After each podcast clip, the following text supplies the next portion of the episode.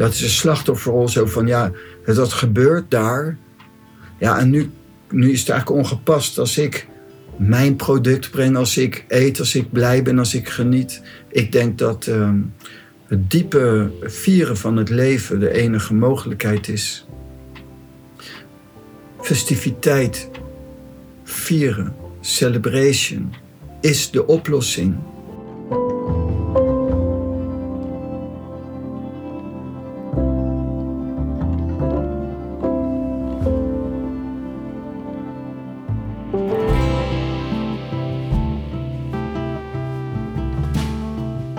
Laatst kregen we een e-mail van ehm, iemand die specifiek vroeg naar Pranay zijn visie als het gaat over ehm, de oorlogen en ellende die er op dit moment zijn in de wereld.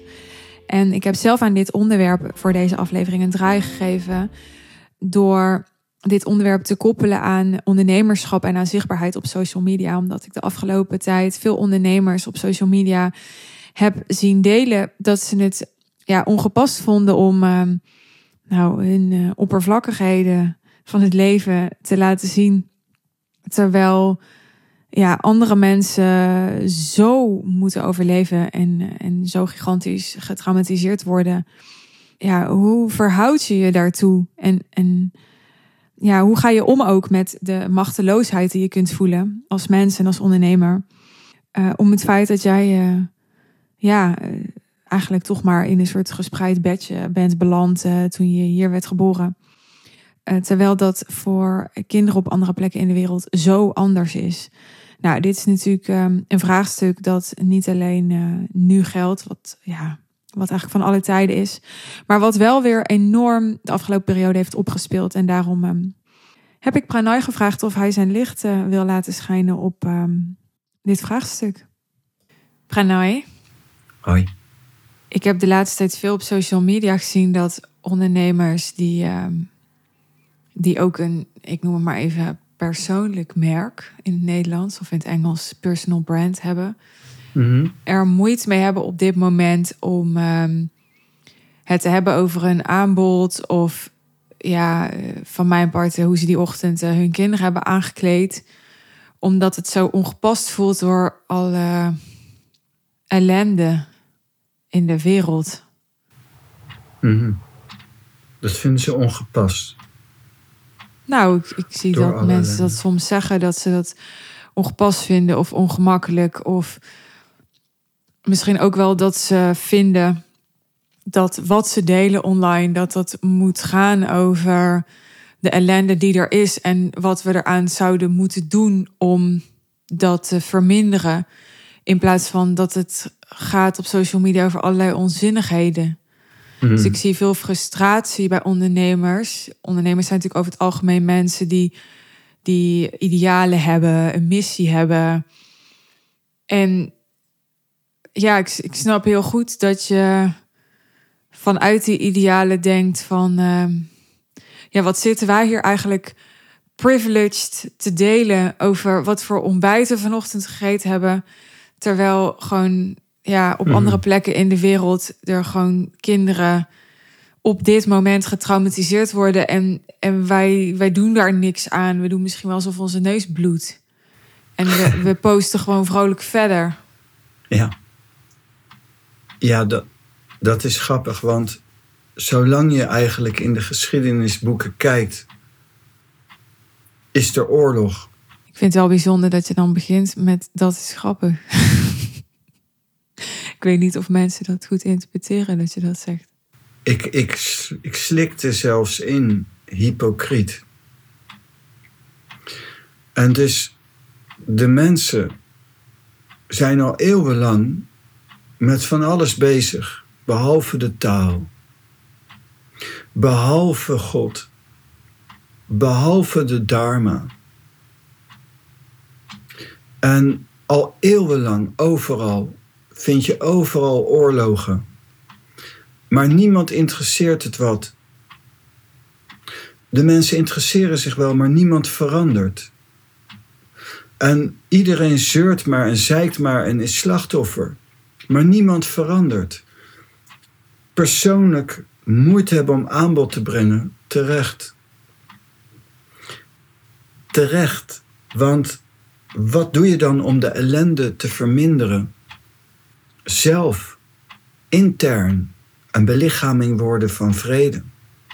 Zorg voor je innerlijke vrede en vreugde. Daarna, en daarna is voor als je een partner hebt, een gezin hebt, is één, nummer één, zorg voor je vrouw. Zorg voor je man, zorg voor je kinderen, zorg voor je familie. En dat houdt niet in dat je letterlijk dat zo direct moet uitvoeren, maar de zorg in de zin van, in de breedste zin van het woord. Maar bijvoorbeeld ik dan zelf, ik zeg wel eens, ik ben geen familiemens. Ik heb niet zoveel met familie. Ik heb wel heel veel met mijn gezin. Dus mijn kinderen, daar ontferm ik me over. Daar doe ik alles voor. Eerst moet ik zorgen dat ik uh, zelf in staat ben om de vrede in mezelf te hebben. Balans te vinden in mezelf, mijn wonden te helen. En dat uit te dragen. En ik vind het zo hypocriet dat mensen dan in deze tijden dan ook weer als een slachtoffer in feite, ja, ik vind het ongepast om dan wat te doen. Is dat dan je reactie? Dan zeg ik, als, als je dat echt ongepast vindt, als je het echt zo vindt dat er zoveel ellende is, en dat is er ook, sta dan op. Ga niet lopen huilen dat het ongepast is. Sta op. Ik moet denken aan de Dalai Lama. En die zegt: Als je denkt dat jij als persoon niet zoveel kunt veranderen of een invloed kunt uitoefenen in deze wereld, denk dan wat aan een mug, zo'n klein mugje, in staat is om aan te richten in de slaapkamer. En dat is het verhaal. De mensen die staan aan de zijlijn en denken: ja, maar ik kan niks doen daar zo, ik kan niet meevechten. Nou, ik ga niet meevechten. Er is zoveel oorlog en iedereen zou moeten stoppen met vechten.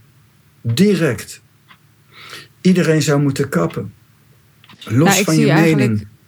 Ik zie eigenlijk juist veel mensen die niet zitten te huilen van ja, ik kan niks doen en het is allemaal zo erg. En, maar ik zie eigenlijk juist ik heb van alles al voorbij zien komen dat mensen ja, gaan bellen naar het ministerie en ehm, ja, dat ze eh, weet je wel, oproepen om petities te tekenen en um... reed met al die petities. Net alsof de wereld verandert door petities. Wat een gelul. Als iemand verantwoordelijk is voor massamoorden, zijn het regeringen zelf. Wat een hypocriete lul. Lui zijn dat. Wat arrogant. Ik geloof niet in een oplossing vanuit de politiek. Ik geloof niet in petities. Ik geloof niet in geweld. Ik geloof in de innerlijke vrede. Als het iemand. Wat, wat doe ik met al die ellende? Dit. Me beoefenen. Me sterker beoefenen. Er is een mogelijkheid van innerlijk geluk. Er is een mogelijkheid van innerlijke vrede. En die innerlijke vrede kan je doorgeven. Door de vrede te zijn. En als je dat niet wilt, dan ga je het straks allemaal naar buiten gooien. En op buiten zetten en zeggen: Ja, ik wil eigenlijk wel iets brengen, ik wil wel gelukkig zijn, maar er is een oorlog. Maar die oorlog motiveert mij om sterker innerlijk gelukkig te worden. Dat, dat maakt voor mij dat het mijn verantwoordelijkheid groeit om zelf intern vredig te worden en die vrede uit te bouwen. En die vrede te brengen. En ik zelf heb niet zoveel op met al die slachtoffers. Wel de slachtoffers trouwens natuurlijk nu in Israël en in oorlogsgebieden en in Oekraïne en ook bij Hamas. Ik ben niet voor of tegen iets of iemand. Ik ben voor tegen, ik ben tegen geweld. Ik ben tegen elke vorm van geweld. Voor mij, de taal bestaat erin niemand uit te sluiten. Ik zou wensen dat iedereen de taal vindt. Noem jij dan de ondernemers die ik net omschrijf slachtoffers? Ja, ja, als je dan zegt, ja, ik weet dan niet door al die ellende wat er is, wat ik dan moet doen om dat te verminderen. Dat is een slachtofferrol zo van, ja, dat gebeurt daar. Ja, en nu, nu is het eigenlijk ongepast als ik mijn product breng, als ik eet, als ik blij ben, als ik geniet. Ik denk dat ehm, het diepe vieren van het leven de enige mogelijkheid is. Festiviteit, vieren, celebration is de oplossing. En wat doe ik ermee? Nou, dan kom ik weer aan. Met de dijk, ze doen toch wat ze willen, al zou de hele boel vergaan. Letterlijk. Al zou de hele boel vergaan, zij zijn wel bereid het offer te maken. En dan gooit een of andere narcistische teringgek, gooit dan een of andere atoombom. Want hij is wel bereid het offer te maken. Maar op wie gooit hij dan de atoombom? Nou, Poetin had zoiets gezegd, hoorde ik. Als hij een atoombom gooit, gooit hij hem op Europa. Nou, dat is nog eens gaaf zeg. En wie woont er in Europa? Ik. En heel veel mensen. En mijn dochters. Toch klinkt, uh, als je zegt narcistische teringgek, dat klinkt niet per se heel vredig. Klopt. Klopt. Dat is um, een narcistische teringgek, zou je zeggen, is niet compassievol. En dat is het verhaal van de lijn. De, die, die probeer ik uit te dagen. De vorm en het vormloze. En dus ik haal aan de vorm aan een narcistische teringgek. narcistische teringgek. Um, wat doe ik daarmee? Het cederen van de vorm. Dat is geneeswijze. Wat ik is noem cederen? Dat het, het, het, um, het doorbreken van een vorm een beperkte band van een vorm. Dus we hebben daar zo een iemand die valt aan en je wilt dat cederen, je wilt dat verminderen in zijn kracht. Je wilt die vorm verminderen in zijn kracht. Dus jij vraagt, ja, de mensen zijn persoonlijk weten ze niet meer zo goed wat ze moeten doen, een product te brengen, een aanbod te brengen. Wat moet je doen in deze ellende? Want je kan toch eigenlijk alleen nog maar spreken over duister. Dan is dat komt puur technisch vooruit, voort uit medelijden. En zelfmedelijden vooral.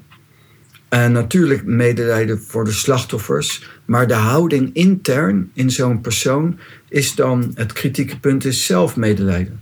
Ik denk niet dat iedereen begrijpt waarom zelf medelijden. Want ik denk dat, dat de beleving van mensen is. Nee, maar ik ben juist heel erg begaan. Ja, nee, ik bedoel zelf medelijden. Oké, laten we een ander woord inzetten: slachtoffer. Dus we zijn willoze slachtoffers in deze situatie. Er is zoveel geweld, er is zoveel ellende. En dan voelen wij ons onmachtig en dan voelen we ook ons een slachtoffer. En dat is in feite slachtoffer zijn. En dat is gekoppeld aan intern qua persoonlijke macht in je intentie van zijn zelf medelijden. En dan wat je het eerste wat je dan doet is de agitator, de narcistische leiders zijn erg van de pot gerukt. De, grootste moordenaars. Vroeger was ik ooit bang voor de maffia.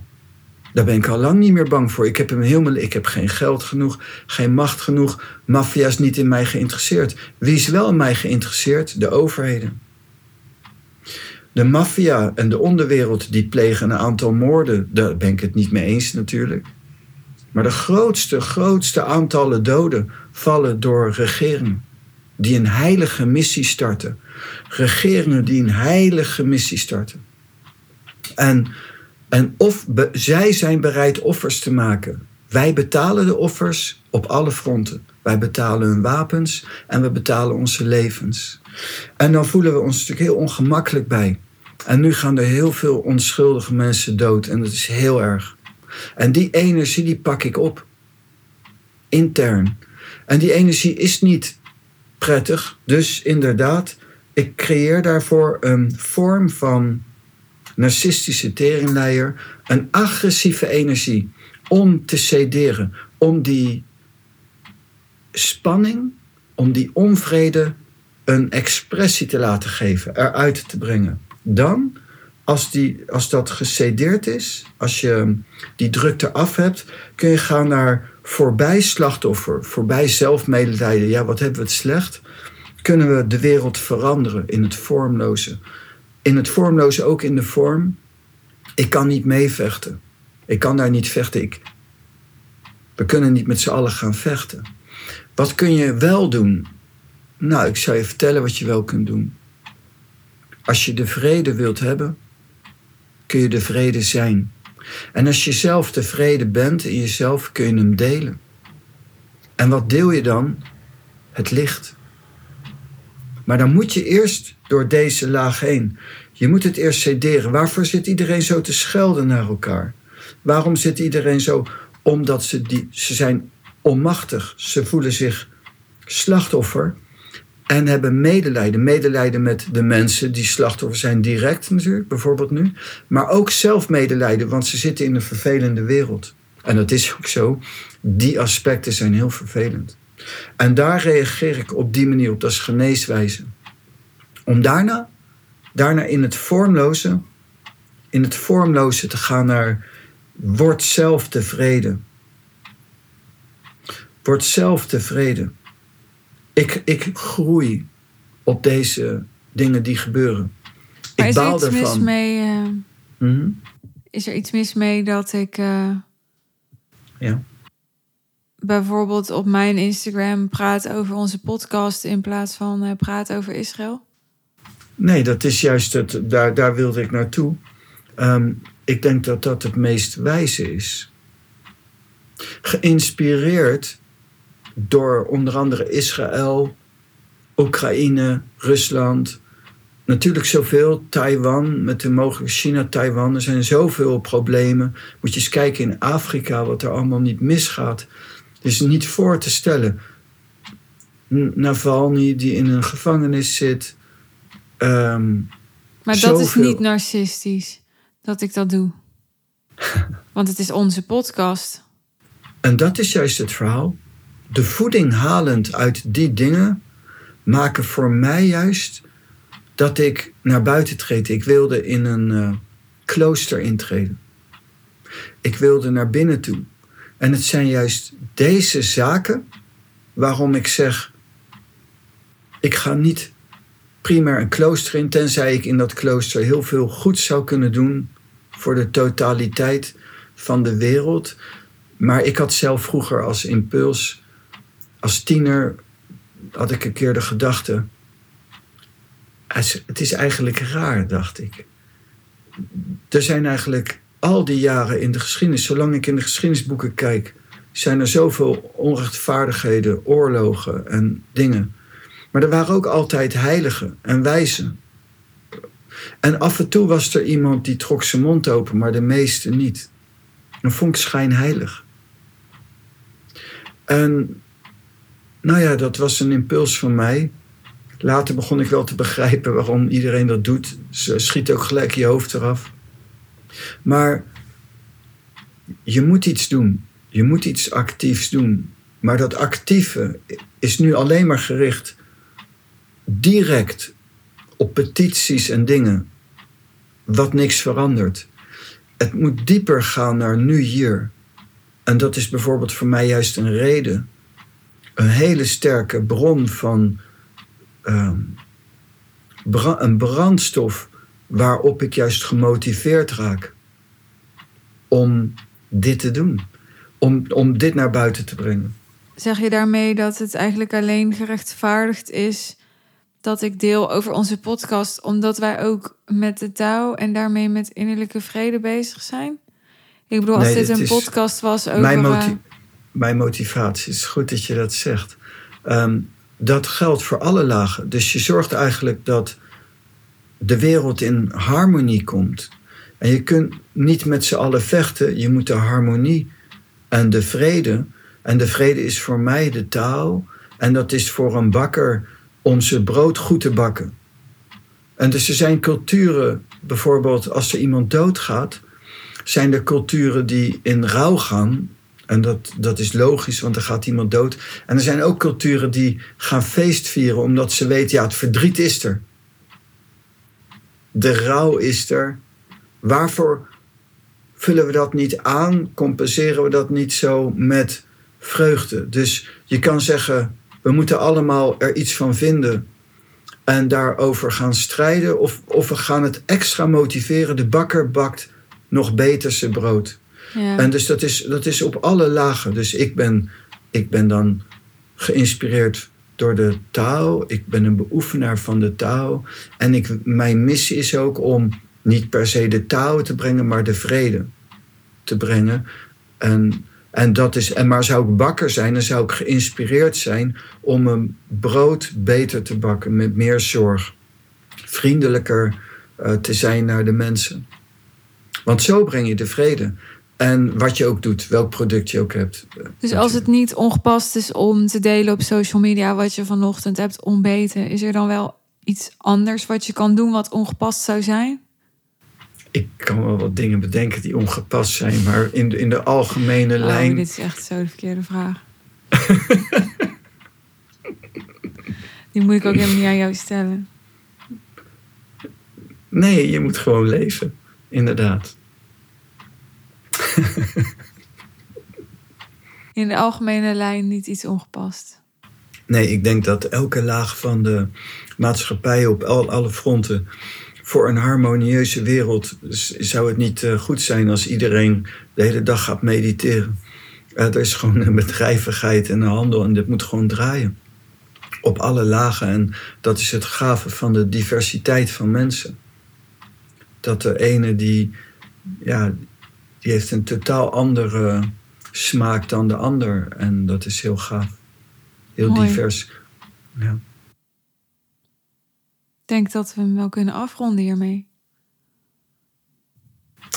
Oké. Wil je nog iets toevoegen? Nee, ja, ik zou hem dan heel kort nog even willen samenvatten. Kort. Mensen hebben dan moeite om een aanbod te brengen. Je kunt niet stoppen met leven. Je moet juist gaan leven. Het is andersom. Dus wat kan je dan doen? Alleen maar praten over de oorlog? Ja, je, je moet het niet negeren. Het moet ook in het nieuws zijn. Het is belangrijk. Je moet bewust worden dat er ellende is. En wat doe je met die ellende? Leven. Je moet gaan leven en het licht aansteken, de vreugde aansteken. En als je, en als je zeg maar. Ik moet dan denken aan een, de Dalai Lama. In een interview werd hem gevraagd over de Chinese regering. En toen reageerde die nogal geïrriteerd, wat ik net deed. En toen zei die interviewer: Maar je bent geïrriteerd. Ja, ja, zegt hij. Ja, maar jij bent de Dalai Lama. Jij bent de Boeddha. Hoe kan je nou geïrriteerd zijn? En toen zei hij terug van ja, maar hoe kan je nou niet geïrriteerd zijn? Als je bevolking vervolgd wordt, als je, als je ziet dat mensen vermoord worden en geïntimideerd worden en zo. Natuurlijk, we zijn mensen. Natuurlijk raak je geïrriteerd. De Boeddha lijdt ook. Alleen dan pak je die energie op en dan geef je daar een positieve draai aan. Dan ben je nog beter voor je vrouw. Ben je nog beter voor je kinderen. Voor de mensen met wie je leeft. Dan ben, is je product, maak je nog beter. Juist. Juist dat. Maar die, als die irritatie er niet is, is er geen vuur. Geen vuur, geen bron. Maar naar Israël, ik pak maar even Israël als voorbeeld, vliegen en, en daar echt letterlijk gaan helpen, mag ook. Natuurlijk, de hulpverleners, die als jij daar wat zinnigs kunt doen, graag. Ik ben, ik ben een voorstander van zo min mogelijk leed, zo min mogelijk ellende. Het doet me heel erg pijn als ik zie hoeveel mensen daar lijden. En, en niet alleen die mensen daar, de families en de gevolgen. En de gevolgen dus ook, zoals je hier zegt, van naar de gewone man, als je dat zo zou kunnen noemen, die dan eigenlijk niet meer durft te leven. Juist wel leven, want anders zakken we met z'n allen af. Ja, En die irritatie, die moet er zijn, anders ben je geen mens. Maar die moet je wel een positieve draai aan geven. ja. Mooi. Weten om te gaan met lijden. Dank je. Dankjewel voor het luisteren. Dit was uh, de aflevering van deze woensdag, hoewel je misschien later luistert. Wil je reageren? We vinden het uh, mooi om je reactie te ontvangen als je hebt geluisterd. Dus uh, weet dat die ertoe doet en dat de deur open staat. Hoe je ons kunt bereiken vind je in de show notes. Als je zelf met een vraagstuk zit op dit moment dat actueel voor je is en waarvan je graag zou willen dat wij die in een aflevering bespreken, laat het ons dan ook weten. Ik ben benieuwd. En morgen, 2 november, is de eerste sessie van de groep die ik start met Pranay. Als je misschien mogelijk nu voor het eerst hoort van, huh, een groep, waar gaat het over? Of als je er al vaker over gehoord hebt, maar nog even een reminder nodig had. In uh, de vorige aflevering, aflevering 412, hebben Pranay en ik het over die groep, die dus morgen, 2 november, start. En waarom je daar wel of niet bij wilt komen.